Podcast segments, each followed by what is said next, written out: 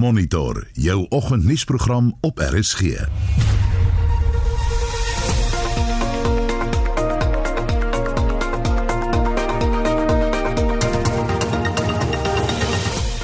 ons program amptenare van die departement van openbare werke sê die land se grense is in 'n swak toestand.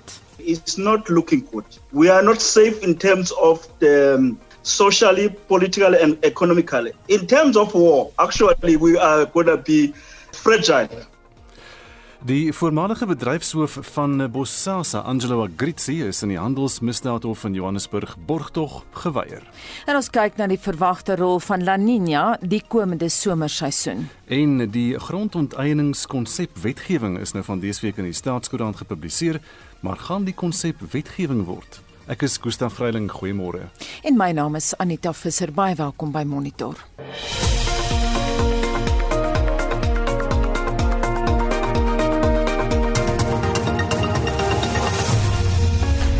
nou 11 minute oor 6 uur by Monitor op RSG. En 'n oorsig oor die koerant voorblaaie van Donderdag die 15de Oktober. Die burger vandag Zuma eis betaling vir 8 miljoen siviele Transnet moet opdok aan verskaffer wat nie lewer nie. En dis nou nuwe getuienis wat uitkom voor die Zondo Staatskapingskommissie oor nommer 1 se opdragte aan mense by nog 'n staatsonderneming waar hy glo ingemeng het. Ook 'n foto van uh, Angelo Agrizzi dan uh, in die hof borgtog geweier. Hy wou glo Italië toe gaan. En 'n berig in die burger Matrix met virus skryf eers in 2021.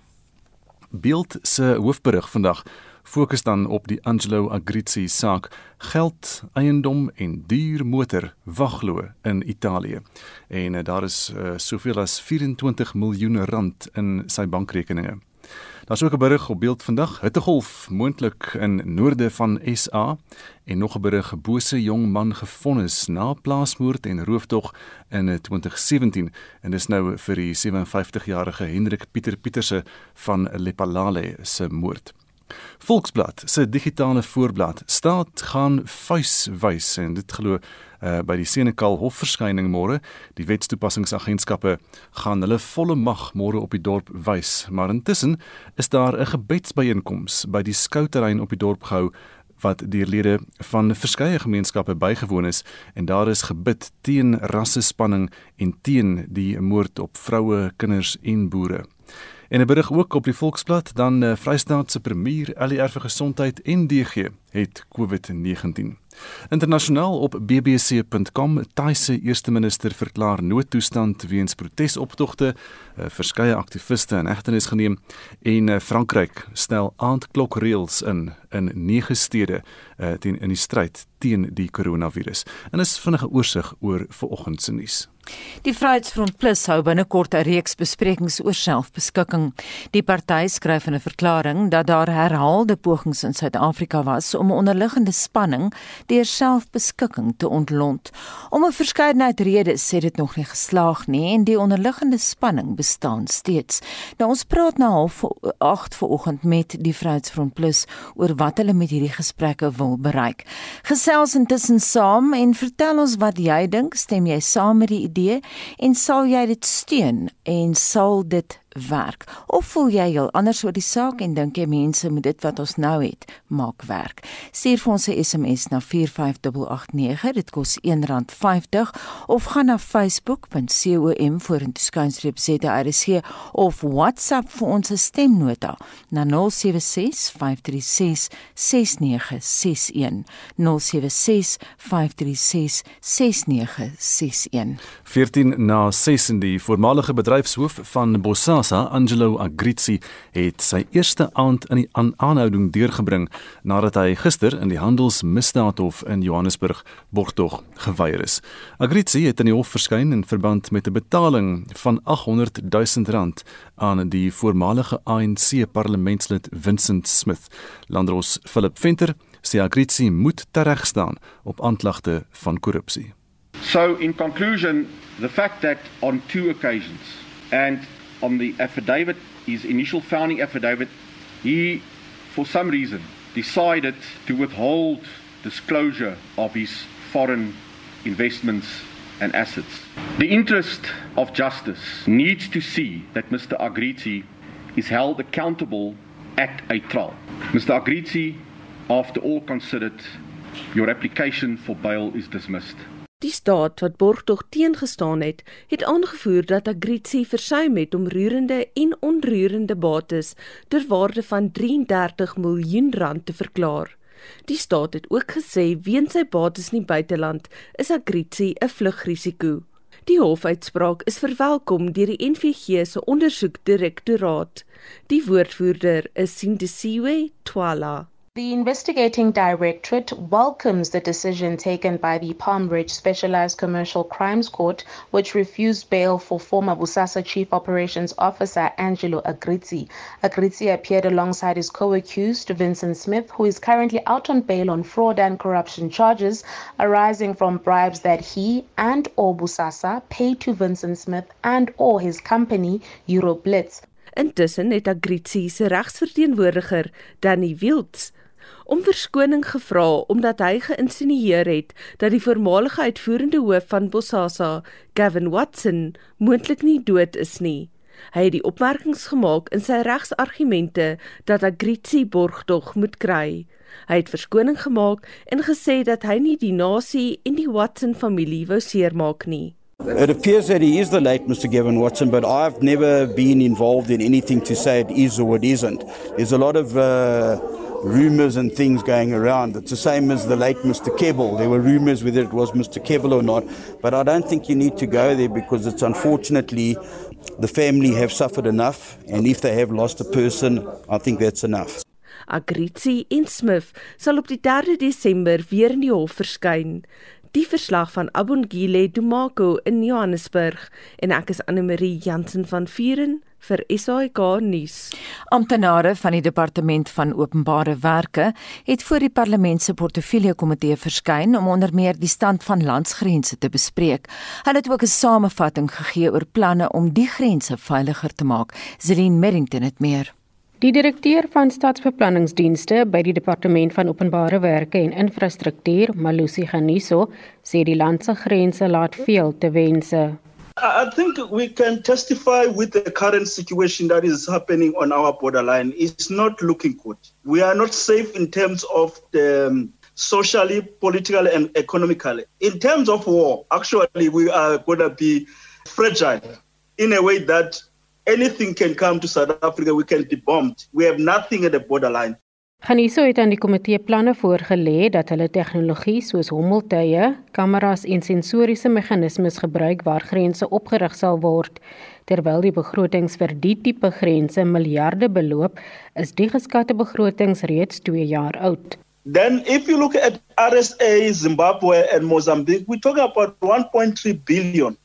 This estimate was done 2 years ago. It will need to be revised. South Africa and Lesotho we're talking about 1.5 billion. The reason B is expensive is because the terrain is mountainous.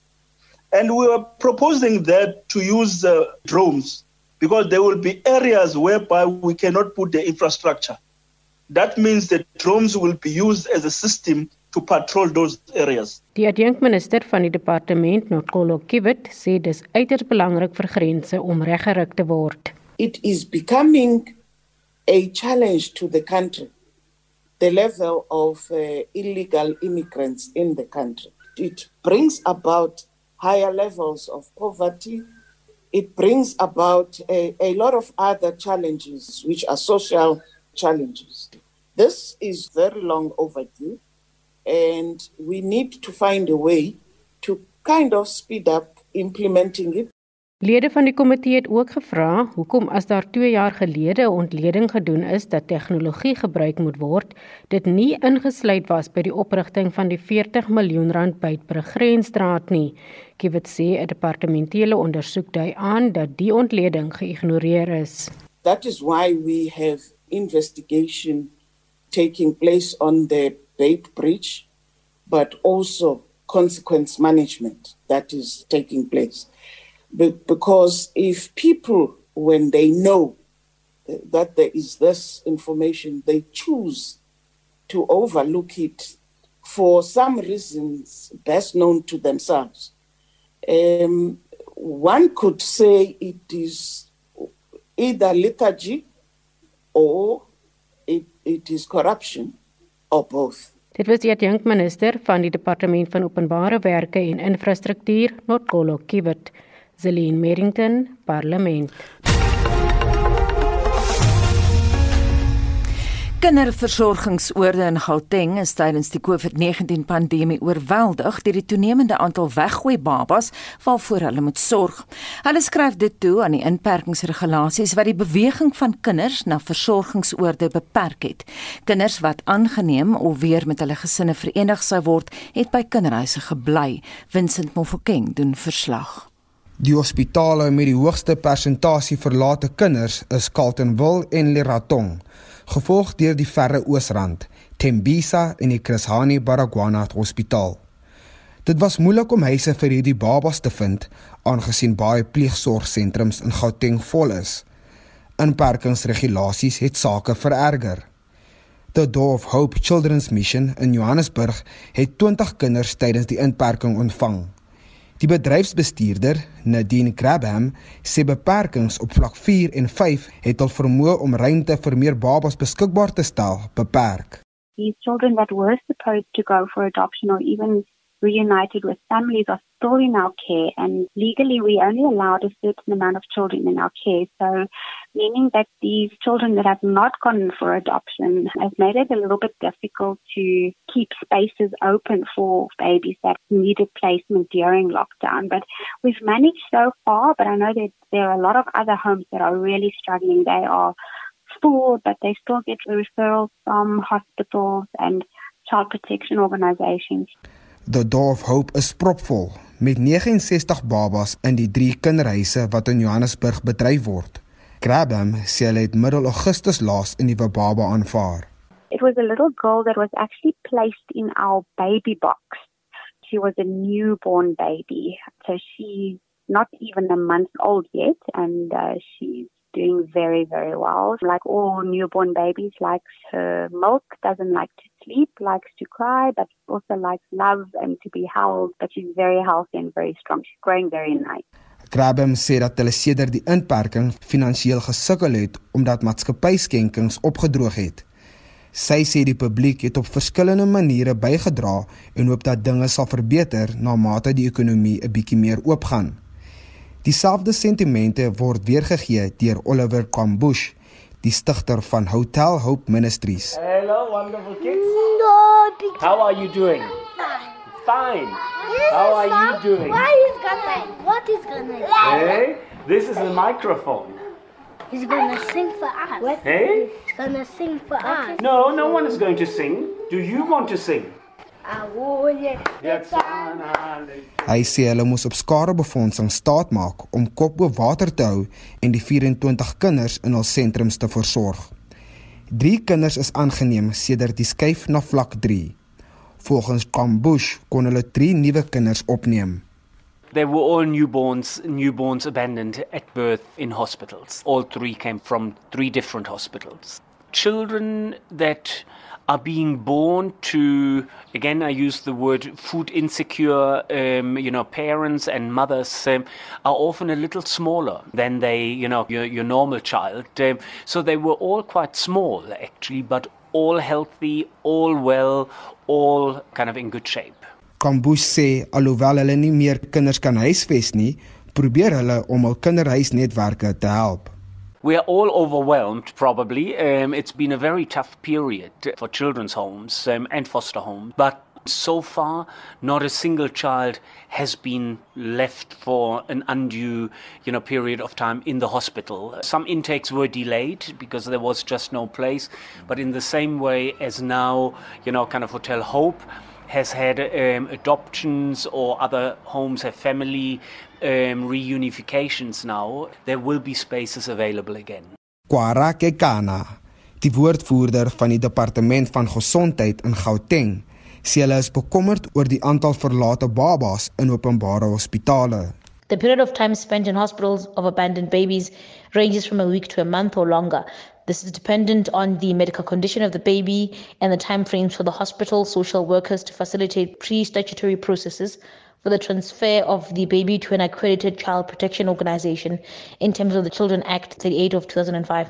To reduce the number of abandoned babies, hospitals, social workers conduct educational awareness programs with expected mothers on care options such as adoption, temporal care, and foster care. Die regering het moeders aangemoedig om nie hul babas te verlaat nie en om ander beskikbare opsies te oorweeg om te verseker dat hul kinders goed versorg word. Die verslag van Wisani Makubele, Akas Vincent Mofokeng vir SAK-nuus. Jy luister na Monitor elke weekoggend tussen 6 en 8. Sopas half 7 en in die nuus, president Cyril Ramaphosa maak vandag die regering se herstelplan bekend. 'n Noodtoestand is in Thailand afgekondig om betogings te verhoed. En in 'n monitor 'n kundige vertel oor die model wat hy help ontwikkel het wat stede kan help om water te spaar. En die La Nina verskynsel kan 'n nat somer vir Suid-Afrika se binneland beteken. Anne-Marie, wat se terugvoer het jy vir oggend? Daar heers 'n vurige debat onder ons luisteraars op Facebook. Ons wil by hulle weet of hulle saamstem met die VF+ se plan vir selfbeskikking. Henry Steenkamp vra of colored mense wat vir die VF+ gestem het, welkom sal wees as daar afgestig word en of dit net 'n volksstaat vir wit mense sal wees. Luisteraars soos Elise van Wyk en Martie Trieter het intussen op Steenkamp se plasing geantwoord en gesê as dit van hulle afhang, sal bruin mense beslis welkom wees want Afrikaans is 'n gedeelde erfenis. Kobus Du Plessis gesels op 'n meer filosofiese trant en vra wat beteken selfbeskikking dan nou regtig?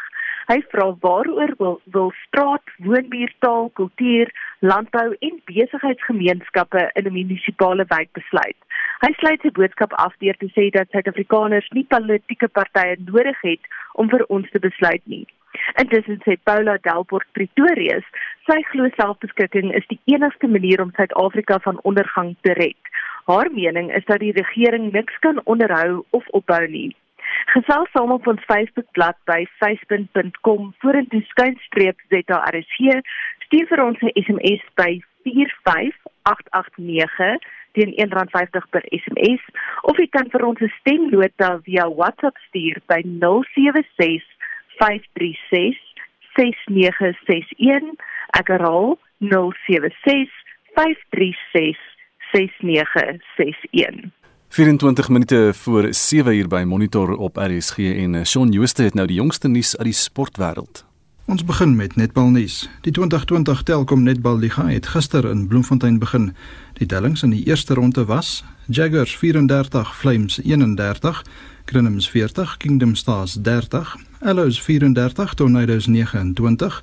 Southern Sting 36, Golden Fireballs 38 en die Kingdom Queens 42, Baobabs 34. Die Golden Fireball speel 8 uur teen die Crinums, die Diamonds 10 uur teen die Sunbirds en die Southern Stings 12 uur teen die Flames. Die Jaguars kom vanmiddag 3 uur teen die Kingdom Stars en die Arrows 5 uur teen die Baobabs te staan. Rugby Die Cheetahs afrigter Hawies Fourie het 'n onveranderde begin 15tal vir Vrydag aand se plaaslike Super Rugby kragmeting in Bloemfontein teen die Bulls aangekondig. Rowan Pinaar sal die span aanvoer en Clayton Blommetjie steek in sy 100tal in die Cheetah dry aan. Die Bulls breier Jake White het vyf veranderinge aan sy beginspan gemaak. Die Springbok agterman Dwayne Vermeulen is terug as kaptein. Die wedstryd skop die aand 7 uur af. Op die tennisbaan het Suid-Afrika se Lloyd Harris met 7-6 en 7-6 in die tweede ronde van die binnenshuise toernooi in Duitsland teen die Amerikaner Steve Johnson geseëvier. Cricket. Die Delhi Capitals het die Rajasthan Royals gister in Dubai in die IPL reeks met 13 lopies geklop. Die Protea naadbouler Anrich Norke was die speler van die wedstryd net twee paltjies platgetrek. Sy aflewering van 156 km/h is ook nou die vinnigste in die IPL se geskiedenis. Sokker. Van die tellings in gisteraand se Europese Nasiesliga toernooi was Kroasie 1, Frankryk 2, Engeland 0, Denemarke 1, IJsland 1, België 2, Italië 1, Nederland 1 en Portugal 3, Swede 0. Fietsry Die Fransman Arnaud Demar was die wenner in gister se 11de skof van die Giro d'Italia, terwyl die top 3 van Joao Almeida van Portugal, Wilco Kelderman van Nederland en die Spanjaard Peo Bilbao onveranderd bly. Suid-Afrika se Louis Mentjes bly ook 50ste. Die Aussie Caleb Ewan het gister se eendagpatresies in België in 3 ure 34 minute en 38 sekondes gewen. Suid-Afrika se Reinhard Janse van Rensburg het 16de geëindig. In laastens op die golfbaan slaan die CJ beker vanaand by Shadow Creek in Las Vegas af. Die veld bestaan uit 78 spelers en sluit Suid-Afrika se Louis Oosthuizen en Dylan Fratelli in. Die wêreldnommer 1 Dustin Johnson van Amerika het positief getoets vir die koronavirus en sal die toernooi uitsit. Die plaaslike Justin Thomas is die verdedigende kampioen. En die Skotse kampioenskappe begin 9uur in 5 en die vyf Suid-Afrikaners wat deelneem is Justin Harding, Dean Burmester, Bryce Easton, Brandon Stone en Justin Walters. Shaun Schuster, SAK Sport. Dis nou so 22 minute voor 7 en ons fokus nou vir die volgende ruk op eh, die omgewing en die weer. Hoewel Kaapstad goeie reën in die afgelope tyd gehad het, moet inwoners water steeds spaarsaam gebruik. Twee kundiges, Dr. Wyan Jooste van die Departement van Bedryfsingenieurswese by die Universiteit Stellenbosch en Amore van Sail van die Suid-Afrikaanse Lugmag, het 'n model ontwikkel wat kan help om waterskaarste te verlig in die Kaapstadse metro. En ons praat nou met Dr. Jooste oor die studie. Goeiemôre. Goeiemôre en goeiemôre aan al die luisteraars. So presies wat behels hierdie studie van julle? So uh, wat ons basies gedoen het is om te kyk uh, wat die effek is as ons ehm um, uh, die sogenaamde afvalwaterstroom of onbenutte waterstrome uh, basies herwin ehm um, en wat die wat die effek daarop is in in die langtermyn op op waterskaarste. En hoe het julle dit benader? So ons het dit benader um, in terme van uh van 'n paar scenario's. Ehm um, so daar was eerstens het ons gekyk na ehm um, uh wat wat is die uitwerking as daar op 'n groter skaal ehm um, die die opvang van reënwater is, was soos een van die scenario's. 'n Volgende scenario was om te kyk na die hergebruik van uh van grijswater. En dan 'n uh, verdere scenario was gewees om te kyk uh, wat die effek is as uh, 'n mens die gesentraliseerde watering sy watersuiweringsaanlegte um implementeer. En basies wat wat dit beteken is uh, natuurlik die stad um het watersuiwer 'n watersuiweringsnetwerk wat op 'n gesentraliseerde basis werk. So wat ons wat ons bedoel met die gesentraliseerde um uh, watersuiweringsaanlegte is waar um groot industrie spelers soos fabrieke uh groot uh, besigheidskomplekse hulle eie suiweringsaanleg uh, basies implementeer en hulle eie water suiwer. Uh so dis die scenario's waarna ons kyk het. En waar en watter soort van faktore speel dan 'n rol om water te kan spaar in 'n stad soos Kaapstad wat baie uniek is die manier hoe die water daar bestuur moet word? Ja, so ek dink daar's ehm um, daar's 'n paar faktore. Ek meen ons het natuurlik in in ag geneem die ehm um, uh, klimaatsverandering, ehm um, die waterbeperkings en ehm um, natuurlik is dit die ekonomiese groei en die populasie aanwas is natuurlik ook faktore wat wat wat 'n rol speel. Ehm um, so ons het al daai goed in ag geneem en natuurlik ook in ag geneem die bestaande projekte wat die stad reeds besig is om te implementeer en te, te beplan om die uh, waterbronne um, aan te vul oor die oor die kort, medium en lang termyn. Het julle 'n spesifieke doelwit gehad met hierdie model wat julle toe nou ontwikkel het? Ja, so ek dink die doel wat ons gehad het is ehm um, is om om te kyk of ehm um, of 'n mens afvalwaterstrome en in tipiese ehm um, uh, onbenutte strome ehm um, kan herwin en herbenut en wat die effek daarop is uh oor die langtermyn oor waterskaarste. So uh die aanduiding tydens ons tydens ons studie was dat ehm um, tans word daar net uh tussen 5 en 10% van hierdie afvalwaterstrome herwin. Ehm um, so ons sou gekyk het as mense dit op groter skaal ehm um, uh doen of dit 'n positiewe invloed het uh oor die langtermyn op waterskaarste. En jy het tot by 5 scenario's gekom, né? Nee? Ons het tot by vyf scenario's gekom. Ja, so ehm um, so die eerste scenario was was maar die sake soos gewoonlik. So uh, ons het gekyk na die na die bestaande projekte van die van die stad om om hulpbronne aan te vul.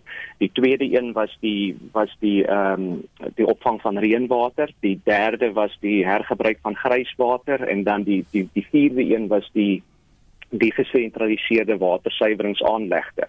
So wat ons gevind het op die einde van die dag met elkeen van hierdie scenario's is dat as 'n mens hulle afsonderlik sien um of toepas, hmm. um het dit het dit actually nie 'n uh, 'n uh, uh, effek op um op water om op om waterstres oor die langtermyn te verlig nie. Slegs in die vyfde scenario waar ons al vier hierdie scenario's gekombineer het, hmm. het ons gevind dat daar 'n uh, 'n positiewe effek oor uh, op watervoorsieningsstres oor die lang termyn is. Waar hoe kostedoeltreffend is hierdie voorstelle van julle? So dis uh dis dis 'n goeie vraag en dis dis een van die goed wat wat ons uh nie spesifiek um, na gekyk het om om 'n koste model agter dit te sit nie. Ehm um, so so ek kan nie regtig ek's nie regtig in 'n posisie om te sê uh wat die koste element daarvan is nie. So dit dit het buite die ehm um, uh, die navorsing geval, maar ek dink uh die belangrike ding om te verstaan is dat uh die navorsing wys dat uh hierdie herwinningsinisiatiewe wel 'n positiewe bydrae het. Ek dink die volgende stap is van die besluitmakers en die beleidsmakers om verdere ehm um, studies of of ehm um, navorsing te doen om te kyk wat die koste implikasies is en dan natuurlik dit vergelyk met uh die bestaande projekte wat reeds in die pipeline is en ehm um, en hoe dit mekaar kan komplementeer om waterskaarsheid in die toekoms ehm um, uh, te verlig. Hoe kan die inwoners van eh, van Kaapstad 'n bydrae lewer om water oor die lang termyn te spaar want ons weet as mens daar kom hulle is baie paraat hulle is hulle is baie ingestel daarop. Ja, so ek dink ek dink 'n belangrike ding om te verstaan is dat ehm um, ons ons gaan ons nie uit waterskaarste uit herwin nie, want die die eerste punt is as daar nie water is nie, is daar niks om te herwin nie. So ehm um, so ek dink uh uit die navorsing en dit dit is nie net op groot skaal nie, is is dit duidelik dat dat herwinning oor die lang termyn uh, 'n positiewe bydrae maak en ehm um, en dat die inwoners ehm um, ehm um, aanhou met die inisiatiewe op op kleiner skaal op op op ehm um, uh, huishoudelike gebruikskaal om om water te bespaar. Soos die 90 sekonde storte wat hulle almal gewoond is aan. Dis dis korrek, ja. Watter rol speel die bestuur van die ondergrondse water daar? Ja, so ek dink ehm um, ek dink dis dis dis ook belangrik en uh ons uh, ons studie het natuurlik nou nie um, spesifiek gekyk na na die bestaande projekte wat in die pipeline van die stad is nie. Ehm um, maar daar is wel gedokumenteerde ehm um, inisiatiewe wat die stad het om ondergrondse water ehm um, uh, te te bestuur om um, vir vir die vir die vir die toekoms en om die waterbronne aan te vul. Uh maar dit was nie dis nie iets spesifiek wat ons in ons studie um, na gekyk het nie. Ons het maar bloot aan die aan, aan die afvalwater en wat hmm. se effek dit het um, op aan daai kant gekyk. Maar die stad Kaapstad hergebruik tans baie water. So ehm um, op hierdie stadium uit ons studie uit uh die op op 'n klein skaal dink ek na die 2018 ehm um, uh dag 0 wat wat ons mm. potensieel um, wat wat ons moes afgeweer het dink ek op huishoudelike en op klein skaal ehm oh, ja. um, het die mense aangegaan daarmee om om water te herwin en te bespaar en ek dink dit is dit is goed. Ehm um, ek dink uit ons studie uit soos ek gesê het die ehm um, uh, die die aanduiding of die syfers wat ons uh, gebruik het uh, tydens die modellering was dat um, op groot skaal of op stadskaal slegs tussen 5 en 10% ja. um, tans van die afvalwater herwin word. Ehm um, en dit is maar dis maar tipies waar die stad water suiwer tot op 'n uh, nie drinkbare kwaliteit en dit verskaf aan groot industrieë wat uh, water gebruik of water benodig vir hulle uh, produksie en vervaardigingsprosesse. Dis 'n baie interessante uh, studie hierdie. Baie dankie dan uh, uh, Dr. Wyan Jooste van die departement bedryfsingenieurswese aan die Universiteit Stellenbosch. En ons bly by watersake. Die La Nina weerverskynsel word die somer in Suid-Afrika verwag, maar is dit gewaarborg? Ons praat nou met professor François Engelbrecht by Wits Universiteit se Global Change Institute. Goeiemôre. Moranita. Fransjo, ons uh, hoor gereeld die terme helaas verkeerd uitgespreek La Niña en El Niño, dis nou die seun en die meisie La Niña, die meisie. So ons weet wat die verskil tussen die terme is, maar wat beteken dit wetenskaplik? Ja, Anita, eerstens La Niña verskynsel is hierdie seisoen gewaarborg. En wanneer dit verwys na die na koeltoestande wat heers in die tropiese Stille Oseaan in die sentrale en oostelike gedeeltes, En die La Nina verskynsel het reeds gevorm. Op die oomblik is hierdie gedeeltes van die Stille Oseaan omtrent 1 graad Celsius koeler as gewoonlik. En omdat hierdie koeltoestande in die oseaan heers oor 10000 vierkante kilometer, beïnvloed dit baie vinnig weer, uh, weerpatrone oor die Stille Oseaan en dan dikwels uiteindelik wêreldwyd. So wanneer La Nina verskynsels vorm in die Stille Oseaan, is dit dikwels so dat ons wyd verspreide reënval kry in die somer oor Suid-Afrika. Nie altyd nie, maar dit is meestal die geval. Mhm. Mm en El Niño, wat maak El Niño gewoonlik? Nou El Niño is natuurlik die teenoorgestelde proses. So dit verwys na die grootskaalse verwarming van die tropiese Stille Oseaan in die oostelike en sentrale gedeeltes. Die luisteraars sal dalk dadelik uh, onthou van die groot El Niño gebeurtenis van 2015-16 dit bly die grootste El Niño of die sterkste El Niño wat nog wat nog ooit deur die mens gemeet is. En dit het hierdie langdurige en baie intense droogte veroorsaak oor die binnelandgebiede van Suid-Afrika. Mhm. Mm kom ons kom terug na La Niña toe. Vanjaar se verwagting is dat ons 'n lekker nat somer gaan hê of hoe? Ja, as ons nou kyk na Suid-Afrika se reënval so ver, het ons natuurlik 'n goeie begin gehad vir die reënvalseisoen. So oor die afgelope maand het dit baie goed gereën aan die Kaapse suidkus het ons gekyk na reënval totale van maklik 100 mm. Uh so vanaf George af ooswaarts tot by omtrent Port Elizabeth. En dan verder in die Oos-Kaap se binneland en aan die Oos-Kaap se kus wat so droogte getuisterd is, en selfs nog steeds, is daar ook goeie neerslag so ver, so in die, in die orde van minstens 60 mm en veral in die kusgebiede. Mm. En eintlik die hele oostelike Suid-Afrika sover 'n goeie begin vir die van die reënvalseisoen beleef. Dit is dan nie waar vir die westelike gedeeltes van die Vrystaat en die westelike gedeeltes van Noordwes provinsie nie. Daar het dit nog nie gereën nie. Maar wat gewoonlik gebeur in 'n La Niña verskynsel is dat dit besonder goed reën vanaf spesifiek min of meer Desember tot Februarie, so die mid-somer reënvalseisoen het dikwels goeie reënval totale wanneer daar 'n La Niña verskynsel teenwoordig is. En as ons kyk na die weervoorspellings wat tans uitgereik word deur die groot internasionale seisonale weervoorspellingssentra reg oor die wêreld, dui byna al hierdie voorspellings daarop dat die kans baie goed is vir bo-normale somerreënval hierdie seisoen, beginnende in November en al die pad deur tot en met Februarie. So die Vrystaat gaan ook goeie reën kry. Ja, die voorspelling is gunstig vir die hele somerreënvalstreek van Suid-Afrika. En dan strek hierdie gunstige toestande vir reën ook verder noord na Botswana, na oostelike Namibië, Zimbabwe, Mosambiek. Interessant genoeg, wanneer daar 'n La Niña verskynsel voorkom, is Oos-Afrika gewoonlik droog. So as mens so kyk vanaf Noord-Mosambiek en dan in Tansanië en verder noordwaarts, dan is die verspanning een van waarskynlik ondernormale reënval hierdie seisoen. Mhm. Mm jy praat nou van die woord, jy gebruik die woord waarskynlik. Hoe gewaarborg François is hierdie voorspellings? Ja, dit is ongelukkig nie glad nie gewaarborg nie. En daar is gevalle in die verlede waar La Niña verskynsels nie goeie reënval gebring het na Suid-Afrika toe. En daar is ook gevalle waar die El Niño nie droogte gebring het. Nou, ek kan miskien net twee voorbeelde noem. In 1997-1998 het daar 'n geweldige sterk El Niño verskynsel gevorm. Dit is nog die tweede sterkste een tot nou toe wat ons nog ooit gemeet het.